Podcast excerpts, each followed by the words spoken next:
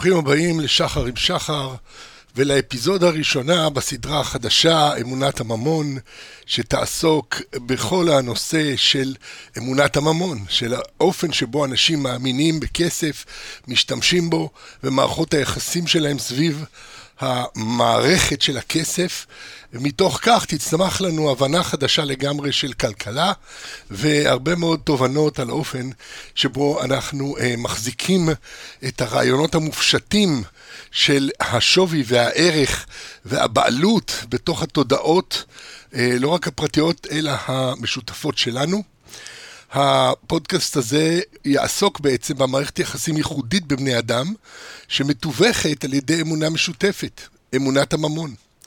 אמונה זו כה חזקה ובלתי מעורערת, שכולם שותפים לה בחפץ לב. ובניגוד לכל שאר אמונות האדם, היא אגליטרי בצורה מפתיעה ביותר, ואינה נושאת פנים לדת, גזע או מגדר. זוהי אמונה מפתיעה שכל שאר המערכות משוקעות בה. וכל ההיבטים של הקיום האנושי ניתנים להמרה למושגיה. יהיה המוצר או העמל המקורי שהומר לממון באשר יהיה. מהרגע שהומר, הרי הוא עומד ומוכן להזיל את נדיבותם של הבריות. ברגע שמשלמים לך עבור משהו, נגיד מכרת בננה, קיבלת שקל, עכשיו השקל הזה עומד מוכן ומזומן לקנות דברים מאנשים אחרים. טובם של הבריות. יש משהו בעולם, משהו סמלי, שבני אדם יודעים לזהות, שאם יש לך אותו, אתה יכול להיעזר באחיך בני האדם בכל מקום. אם הממון ברשותך, אנשים יסייעו לך למרות שאתה לא בן עירם, בן גזעם, דתם, מגדרם, לאומם ונטייתם הפוליטית. הם יסייעו, יסייעו לך כי תשלם להם. אינך צריך ללקק, להתרפס, לנסוך חן, לרקום קשרים, או לעשות משהו מאין סוף הקרקורים וההשתחוויות שבני אדם נוהגים אלו באלו בהיררכיות הכבדות של פטרונים ולקוחות המאפיינות את האנושות במשך כל ההיסטוריה. אפילו לא צריך לומר תודה. הם יקבלו אותך בחיוך וייתנו לך אוכל, מגורים, שירותים ומוצרי צריכה. נכון, מנומס לומר תודה, וגם כדאי, יש יחסי אנוש. אבל למעשה, כל מה שאתה צריך לתת בתמורה, הבזק להם מספר, רשרש להם בחתיכת נייר. ואם אתם מזדרזים לטעון שנדיבות אין כאן, משום שבתשלומים עסקינן, חישבו לרגע מה הייתם צריכים לעשות לפני אלף שנה כדי להשיג ולו מקצת ממה שיש לכם במקרר היום. וכיצד הייתם משכנעים, במרכאות, אנשים לחלוק איתכם את תוצרתם הנדיבה. כמה עבותות של מחויבות חברתית וכניעה בפני פטרונים היו מלפפים אתכם רק כדי להתקיים. ומה היה הסיכוי שלכם בכלל להיות בני חורים ואדונים לגורלכם בעולם בעל היררכיות נוקשות שרק מיעוט בקרבן זכו להיקרא בני חורין וגם חירות זו הייתה מלופפת מנהגים נוקשים ותובעניים. אבל ההחזקה האוניברסלית באמונת הממון האמונה המשותפת הבוערת בלב כל בני האדם, שהכסף הזה שווה משהו, מחוללת את האפשרות לחירות אישית ייחודית שלא נודעה כמותה במהלך כל ההיסטוריה האנושית. החירות האישית כרוכה באופן הדוק באפשרות להשתמש בממון כדי לסחור עם הרשת הגדולה של ספקי השירות. הרשת הגדולה של בני אדם בפן המכשירי שלהם. בלא שיהיה צורך שתהיה בין משפחתם, בין דתם, בין גזעם, בין ארצם וכל שאר הגבולות המפרידים בין פנים לחוץ, בין אויב לאויב.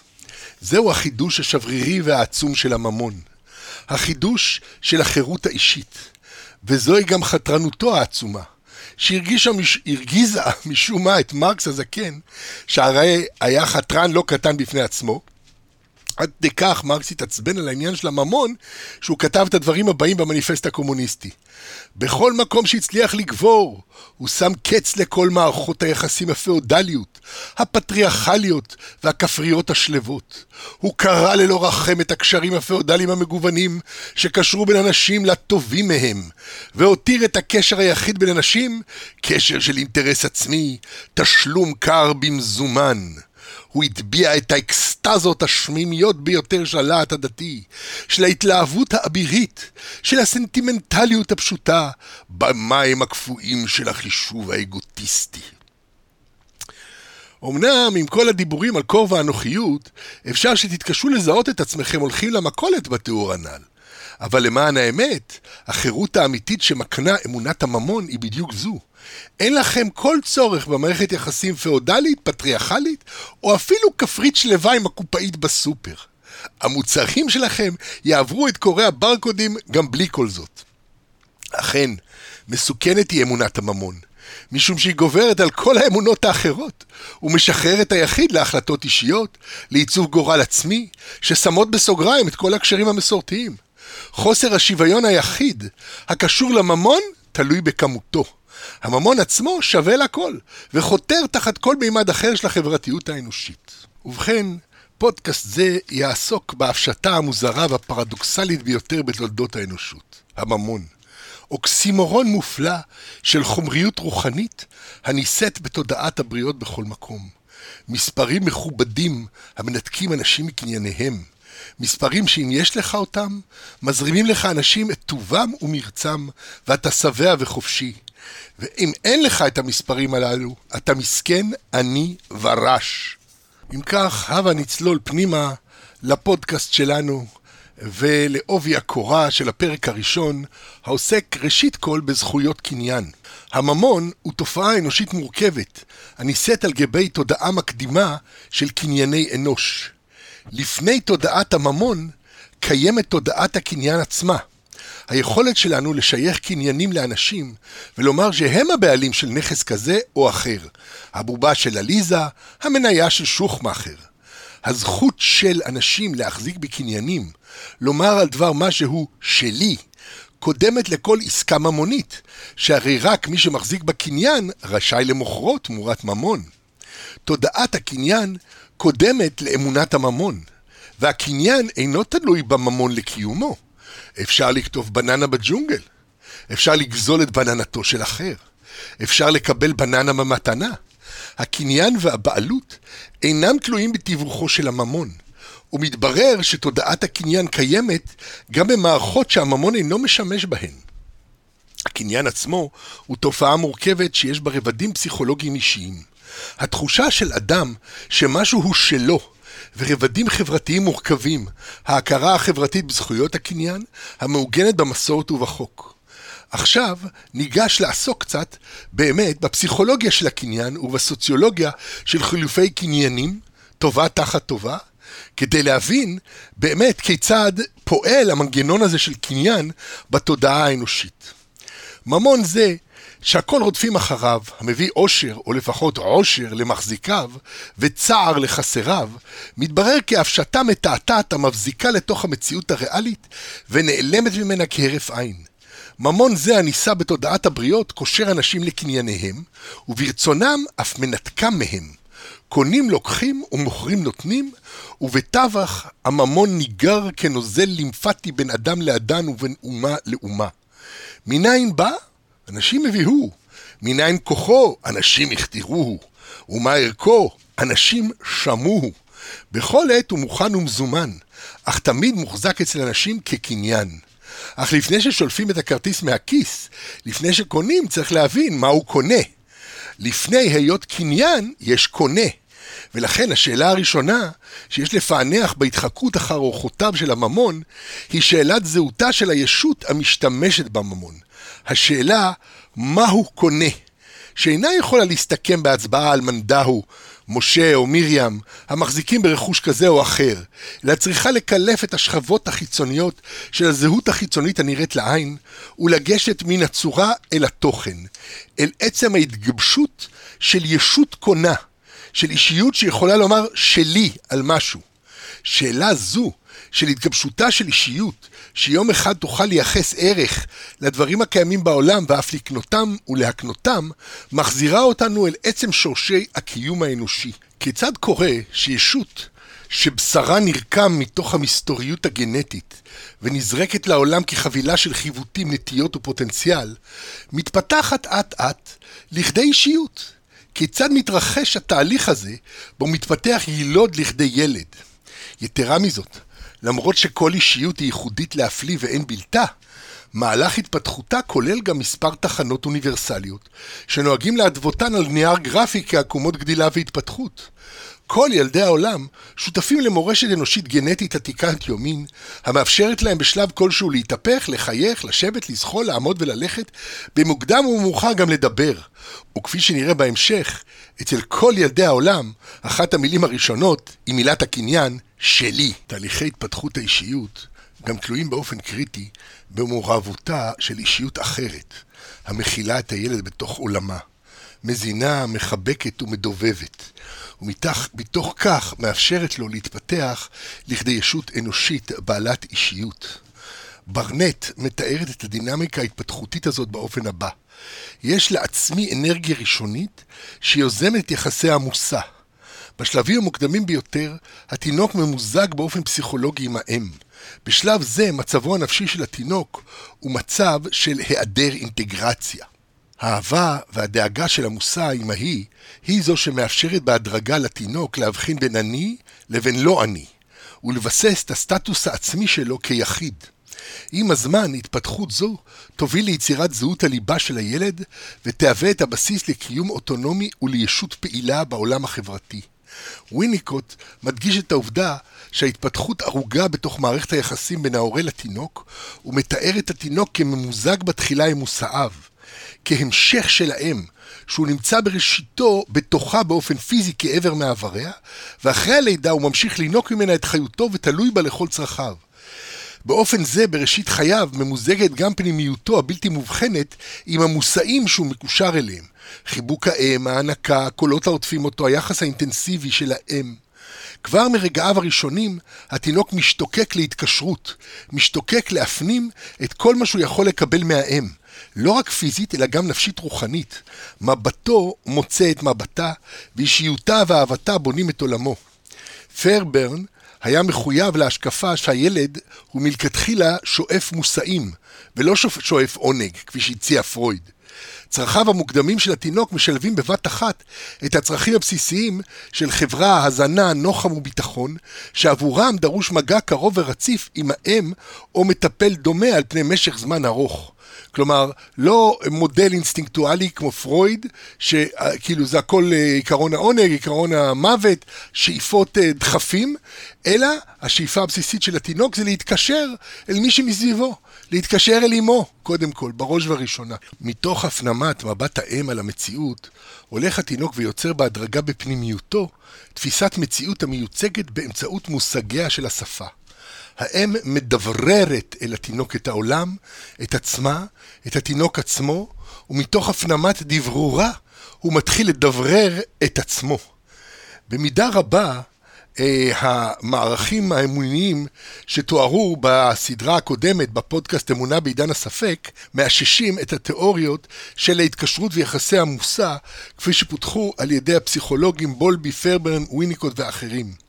תיאוריות המציבות את מערכת היחסים עם אחרים כבסיס להתפתחות האנושי, וזאת בניגוד לתורות פסיכולוגיות אגוצנטריות יותר, כמו זו של פרויד, שמעמידות את הרצונות והיצרים של היחיד כמוקד דחיפה, ולכן גם מעניקות משקל רב לדכאנות במרכאות של הסופר אגו. המבוגרים הסובבים את הילד, האמונים על משמעותם של מילים וכוונות, מייחסים למבטאיו של הילד משמעות, ומנדבים את הקשרים בין מבטאי הדיבור של הילד לבין המציאות. האריס מתאר זאת כתהליך דינמי, שבו הילד לומד כיצד לבוא במגע עם העולם, או להתכוון דרך הפעילות שלו בתוך העולם המתנהלת באינטראקציה עם אחרים, הסובבים אותו, והולכת וקורמת עור וגידים מושגיים ככל שהילד מתפתח. השפה היא הגשר החברתי העמוק המחבר בין תודעתו הפנימית של האני לבין תודעותיהם של אחרים המסוגלים להבין את דיבורו של האני.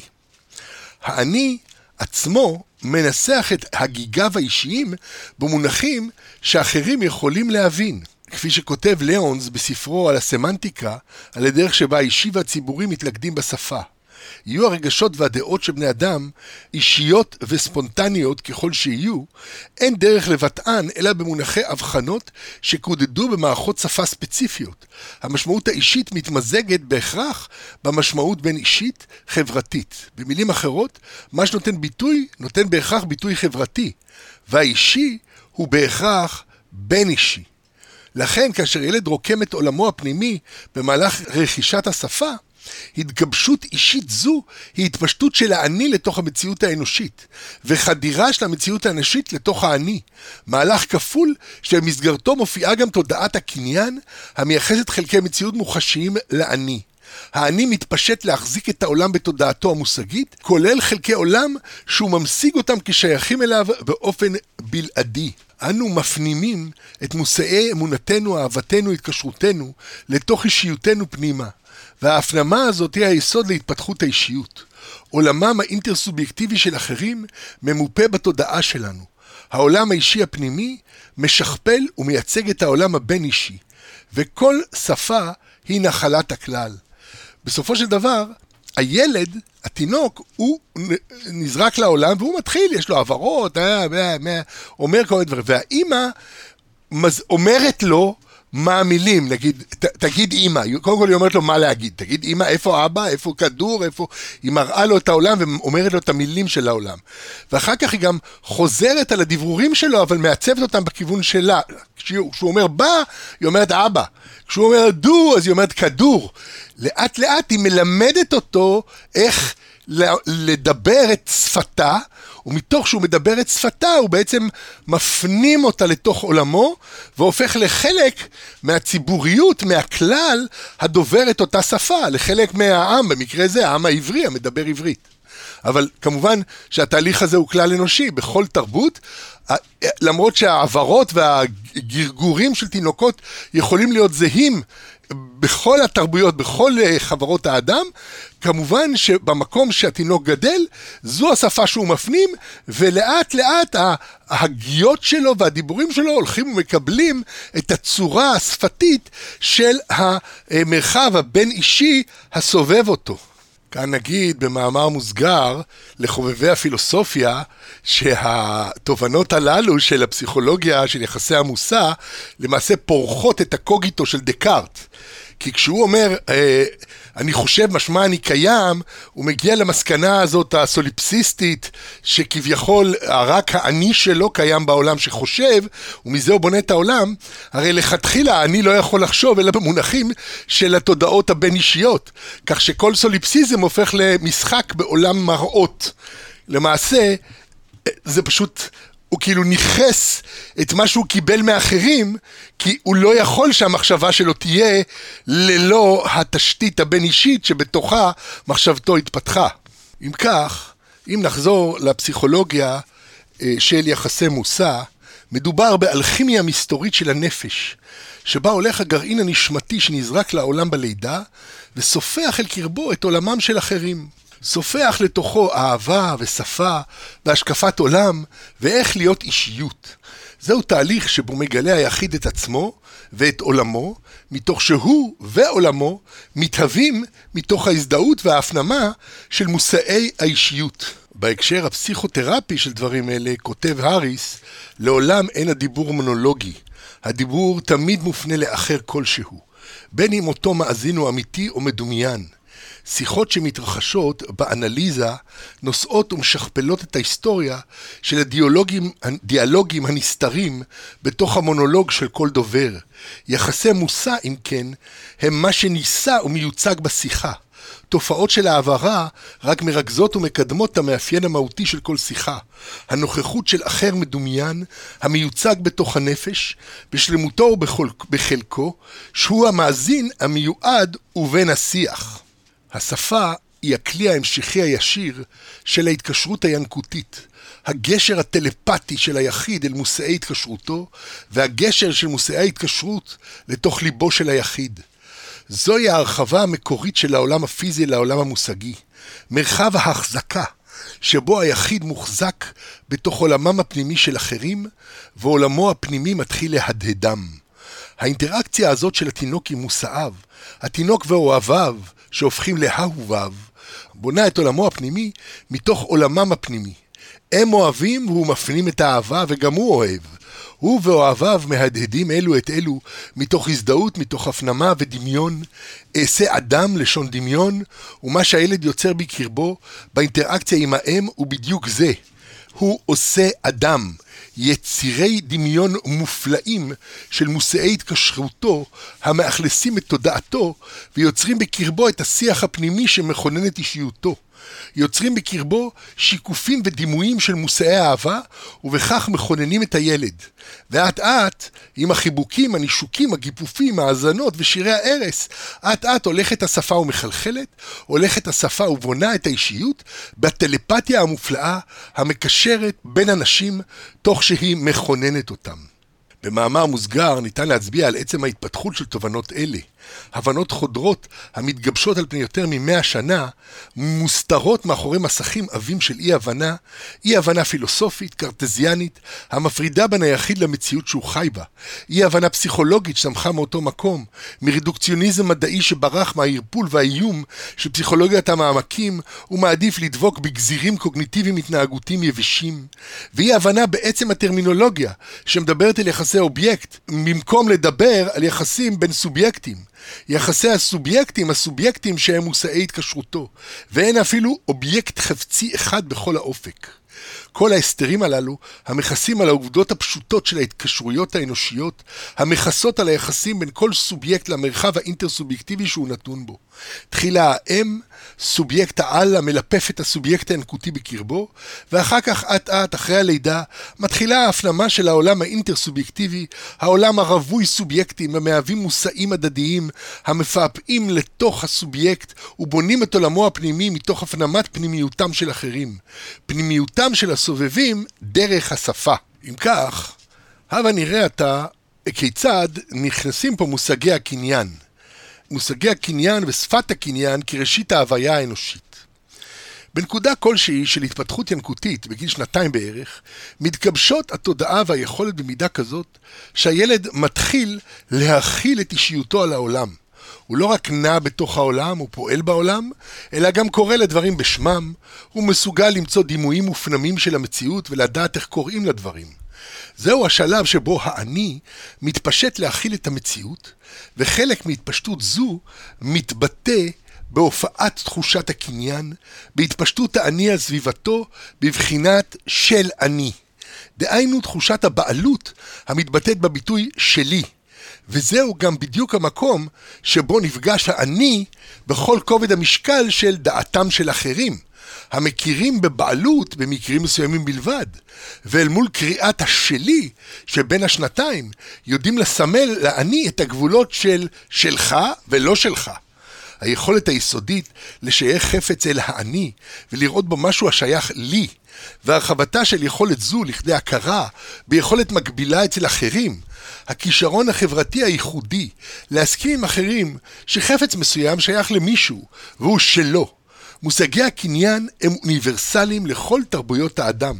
כפי שכותב היינה, כל השפות שבהן נתקלנו כוללות ביטויים קונבנציונליים של קניין, ולכן ניתן לומר שהקניין הוא תופעה לשונית אוניברסלית. כפי שניתן ללמוד גם מעדות עקיפה למשל, הנפוצות הכלל עולמית של המושג גניבה, והרלוונטיות המשפטית החוצת תרבויות של גניבה. זה היה היינה שכותב על הצדדים הדקדוקיים של מבני שייכות אה, בלשניים. הקניין פועם בתוך השפה. לא רק ברמה הישירה שבה ניתן להצביע על דבר מה ולומר שהוא שלי, אלא גם ברמות העמוקות יותר של המבנה התחבירי של השפה, שבו הסיומות אי וח, וריאציות של עת, מתמירים חלקי שפה אחרים באמצעות שיוכי קניין כמו שלי, שלך, אותי, אותך, אותך, שלך ודומיהם. הבלשן היינה טוען שניתן למצוא את שורש מרבית ההבניות של הקניין בשפות העולם בקבוצה קטנה של דפוסי יסוד מושגיים.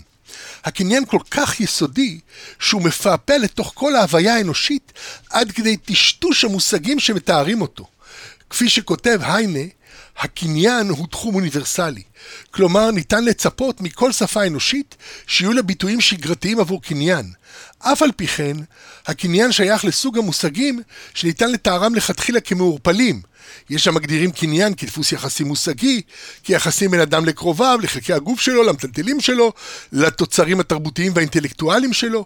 הקניין הוא בינארי, באשר המושג כרוך בקונה מצד אחד, ובפריט הנמצא בבעלותו מצד שני, הנקנה או הנקנה. עוד הוא כותב, היינה, אה, שבין התופעות שהועלו לעיתים קרובות בהקשר של התכונות האוניברסליות של מושגי הקניין, הוא השימוש בפעלים הקשורים אל הוויה. be, to be.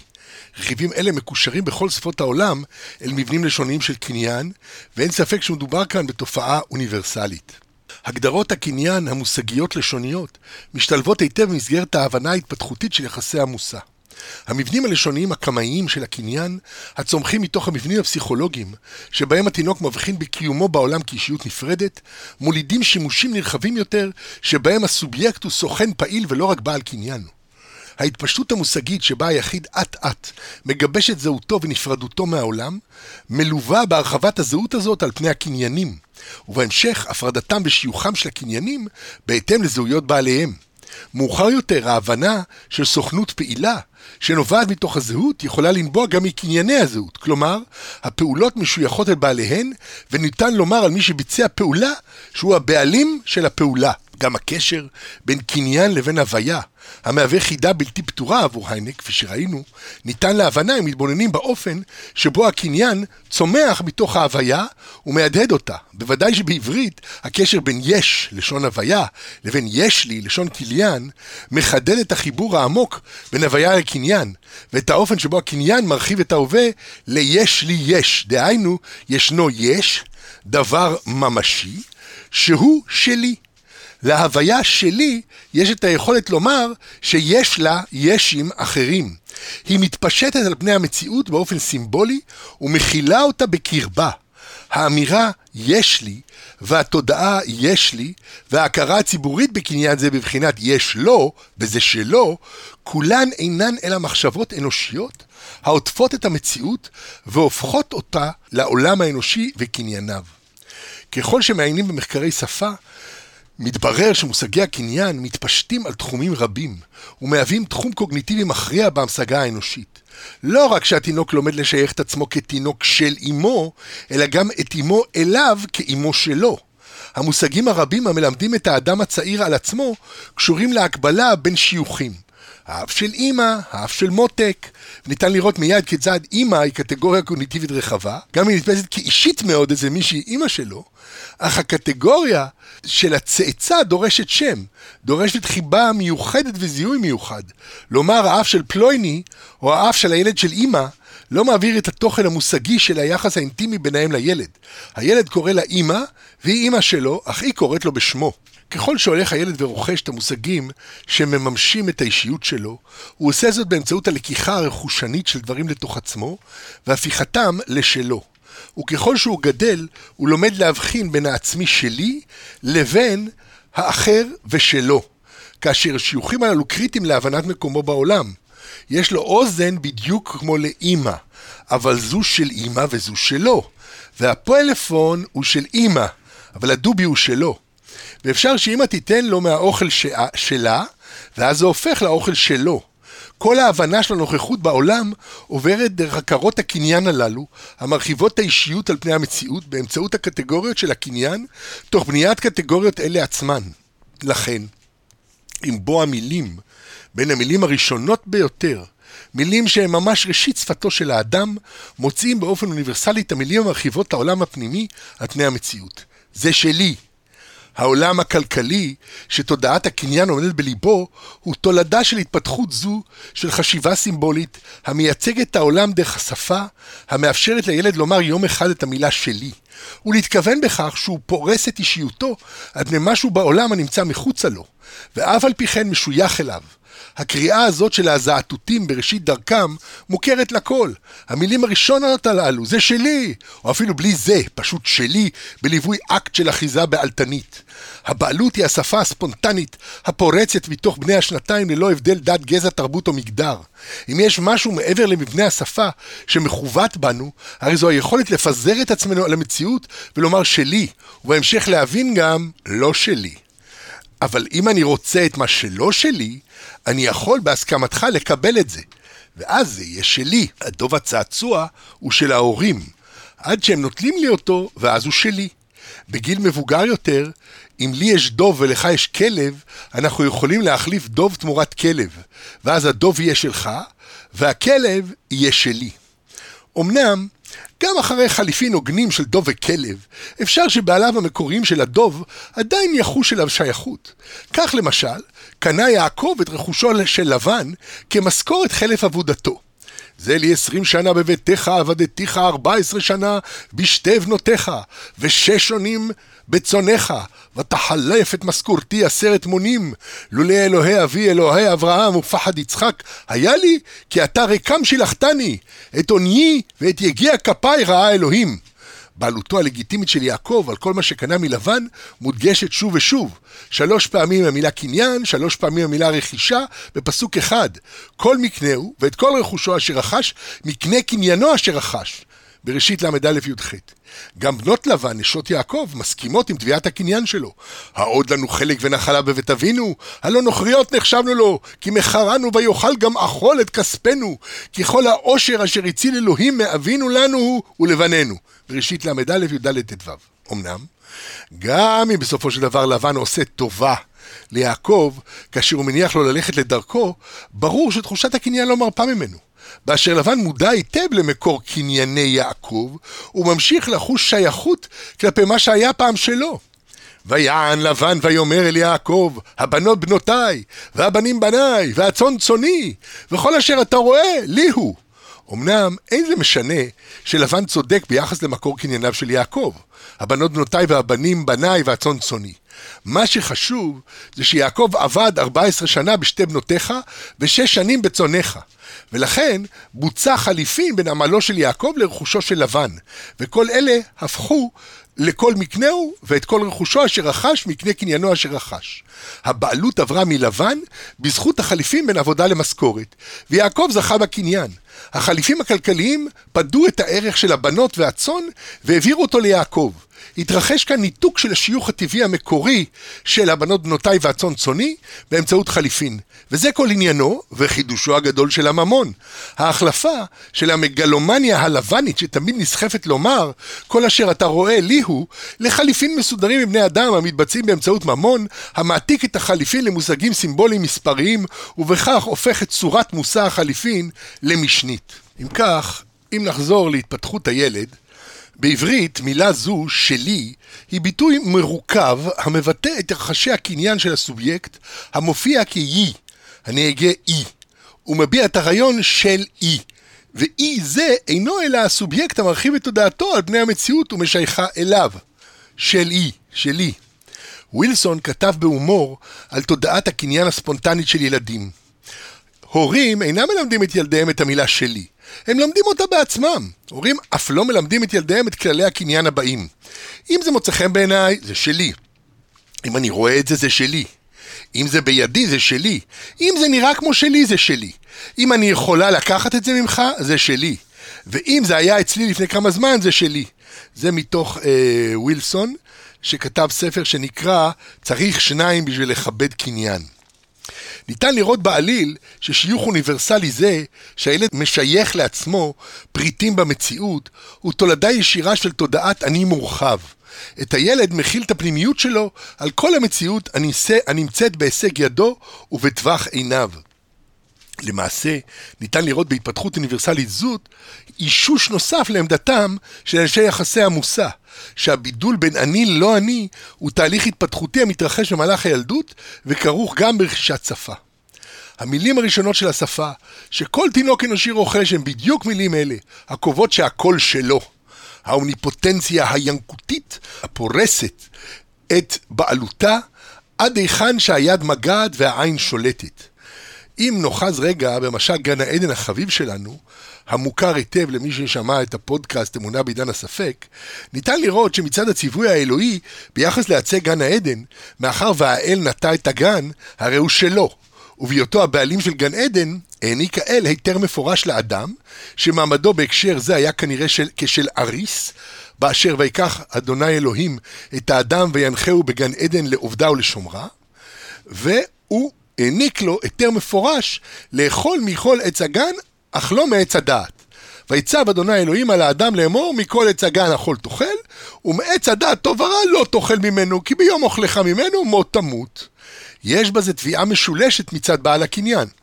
גם ציווי מפורש לא לאכול מעץ מסוים, גם נדיבות במתן כל עץ הגן, וגם הזרע על עבירת קניין מות תמות.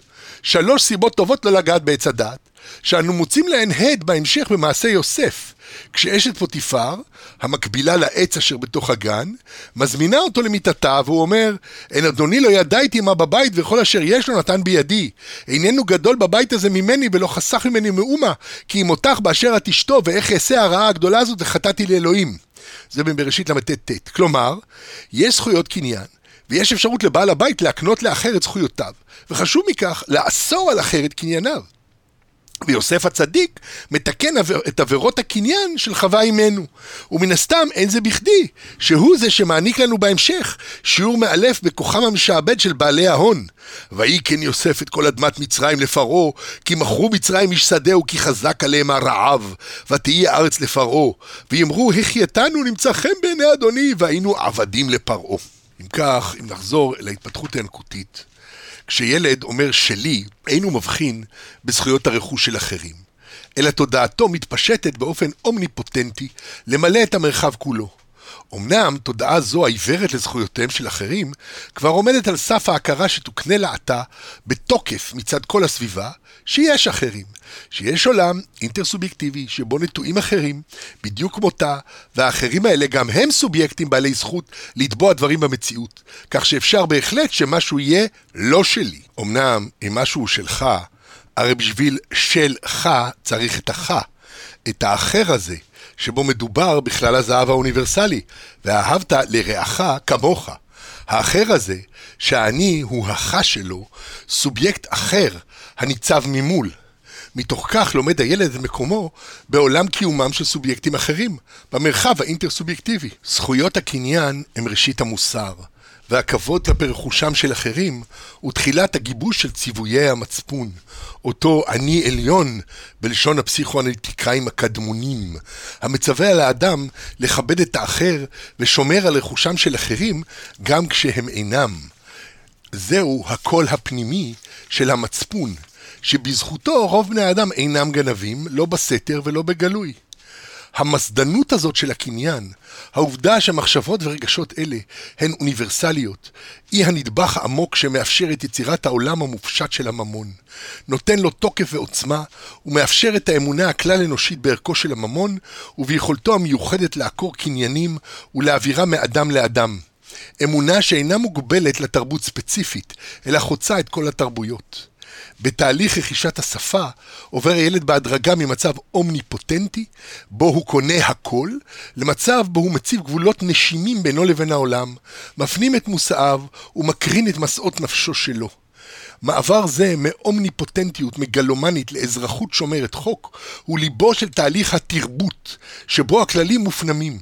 זוהי עלייתו של הסופר-אגו, אותו צלם תרבות אישי המופנם אצל כל אחד, האידאה של היחיד ביחס לראוי ולטוב, לבלתי ראוי ולמסוכן.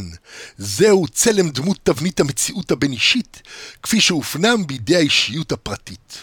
אין זה בכדי שההפנמה המופלאה זו של תודעותיהם של אחרים לתודעתו של היחיד כונתה סופר אגו, ולא שמענו על אונטר אגו.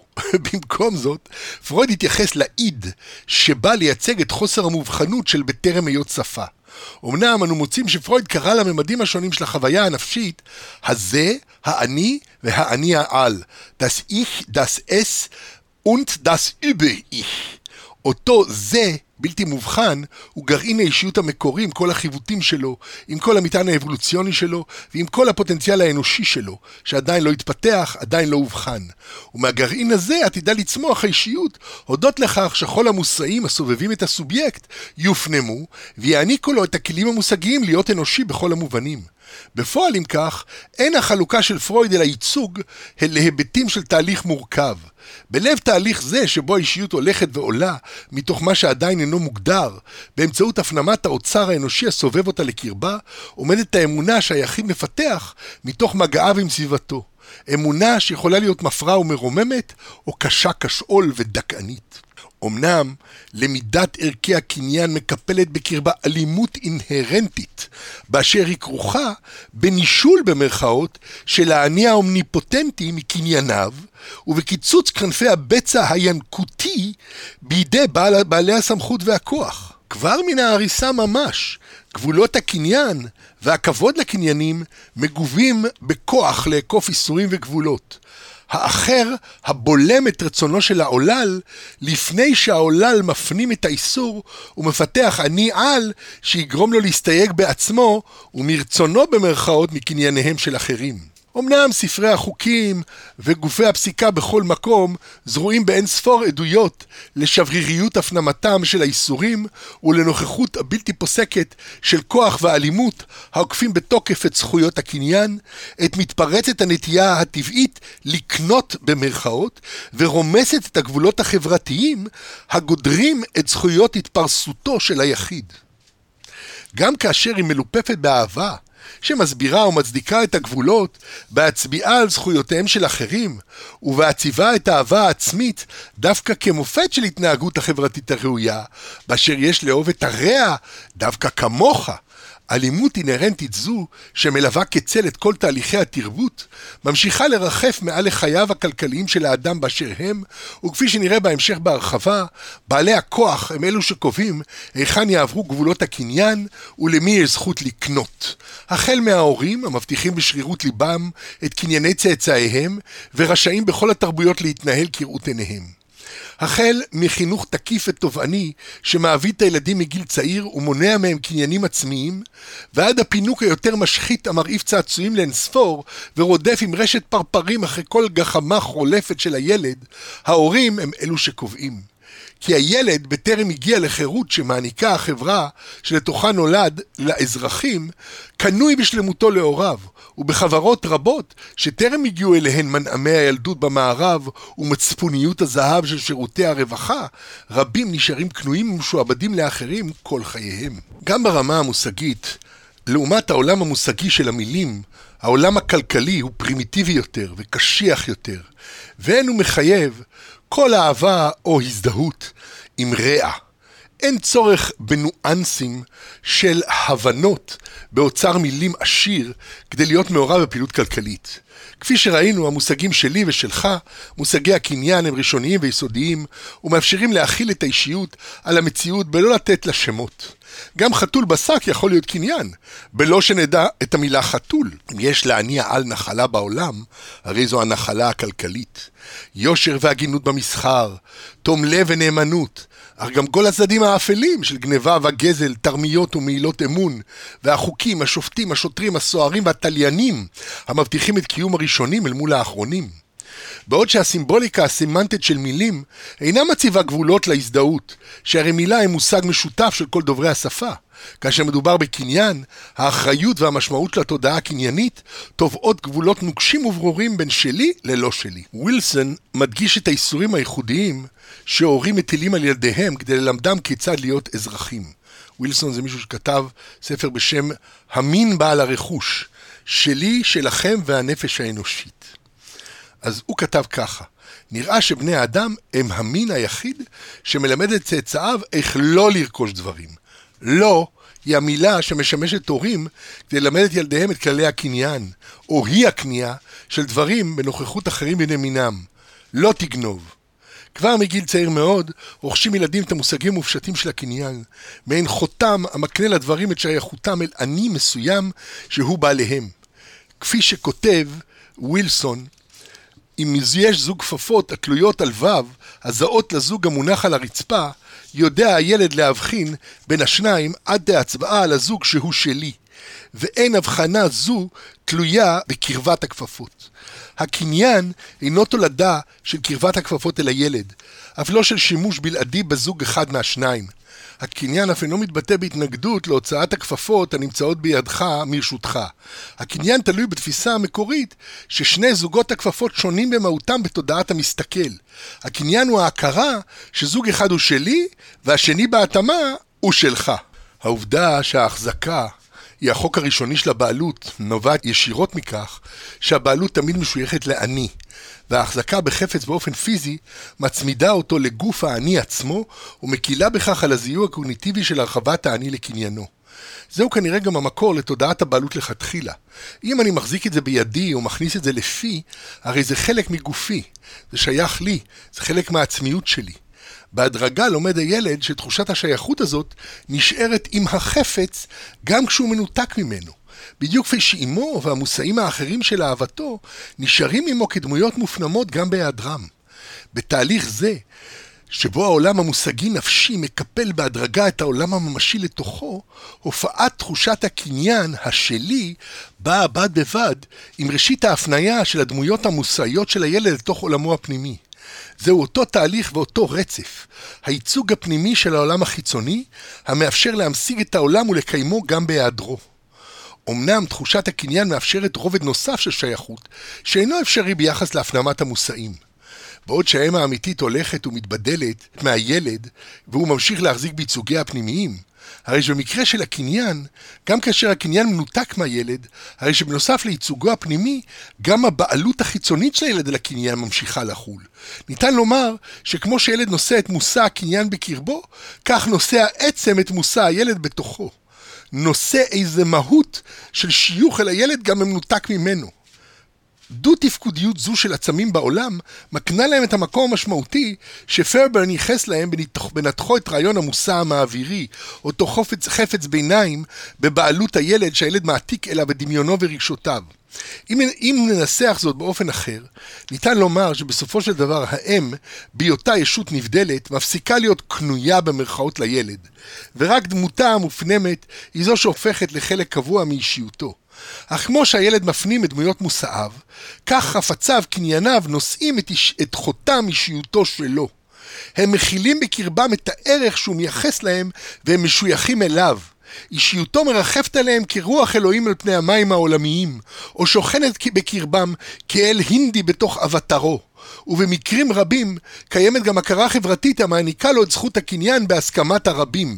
המושג ההלכתי ייאוש בעלים רלוונטי לעניין זה, באשר הוא עומד את מצבו הנפשי של בעליו של חפץ אבוד, כדי לקבוע אם, אם הקשר הקנייני בין הבעלים לחפץ עדיין קיים.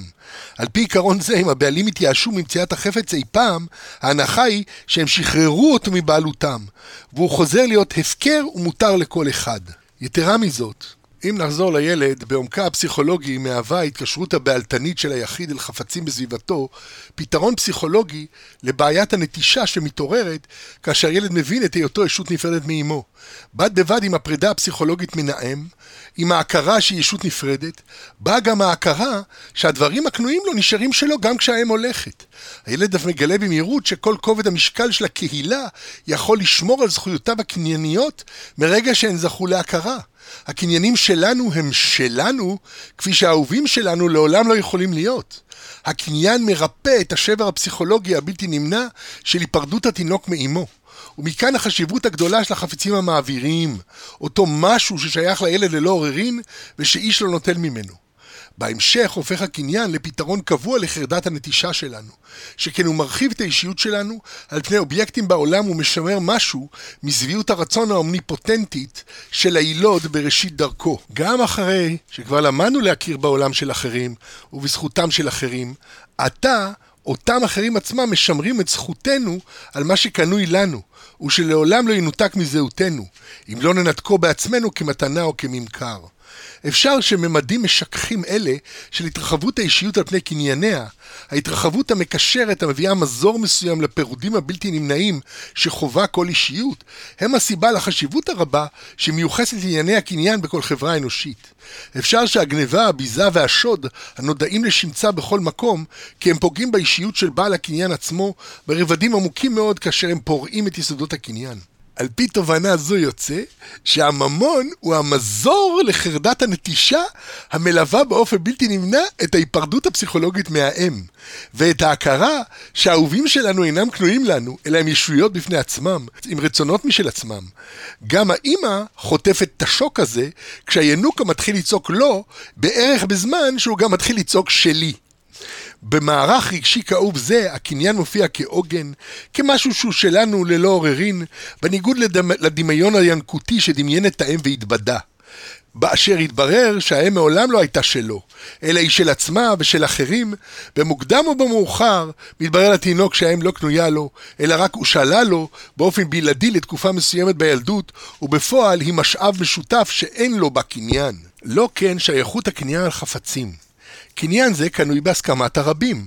אותם רבים שמנהלים חלק כה גדול מחייו, כולל התביעה להיפרד מאימו. ועצם הסכמתם מבסס את השייכות לקניין כתביעה מוסרית לגיטימית. יש בהכרה זו, בוודאות רכושנית זו, כדי להרגיע את חרדת הנטישה, ומכאן נגזרות כנראה כל האמירות הידועות של אוהב כסף, לא יסבע כסף, ואין אדם מעמיד עצמו על ממונו.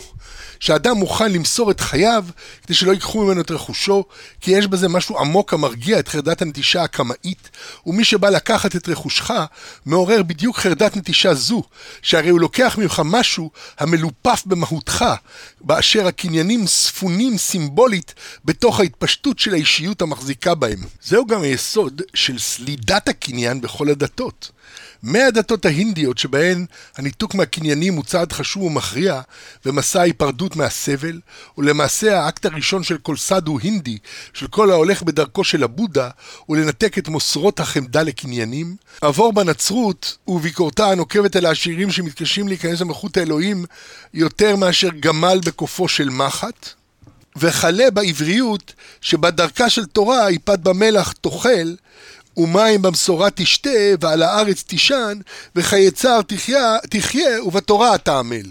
ובת קול יוצאת מהר חורב ואומרת, כל העולם כולו ניזון בשביל חנינא בני, וחנינא בני דיו בקו חרובין מערב שבת לערב שבת.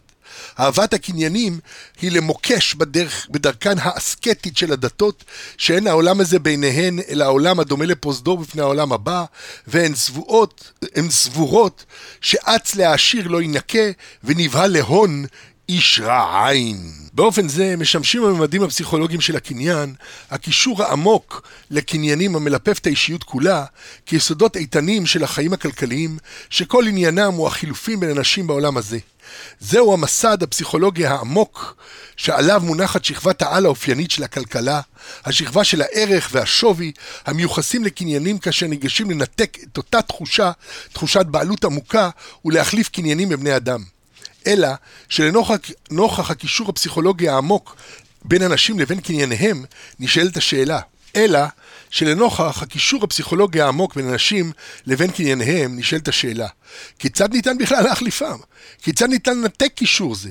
אכן, כפי שראינו אצל לבן לאל, גם כאשר אדם מנותק באופן רשמי מקנייניו, אפשר שנפשו תמשיך להיות מחוברת אליהם. באשר הדחף הפסיכולוגי להחזיק בקניין לצמיתות עומד בשורש החליפין בבני אדם. וזוהי אחת התכונות הגדולות והמשמעותיות של הממון כצורה קניינית.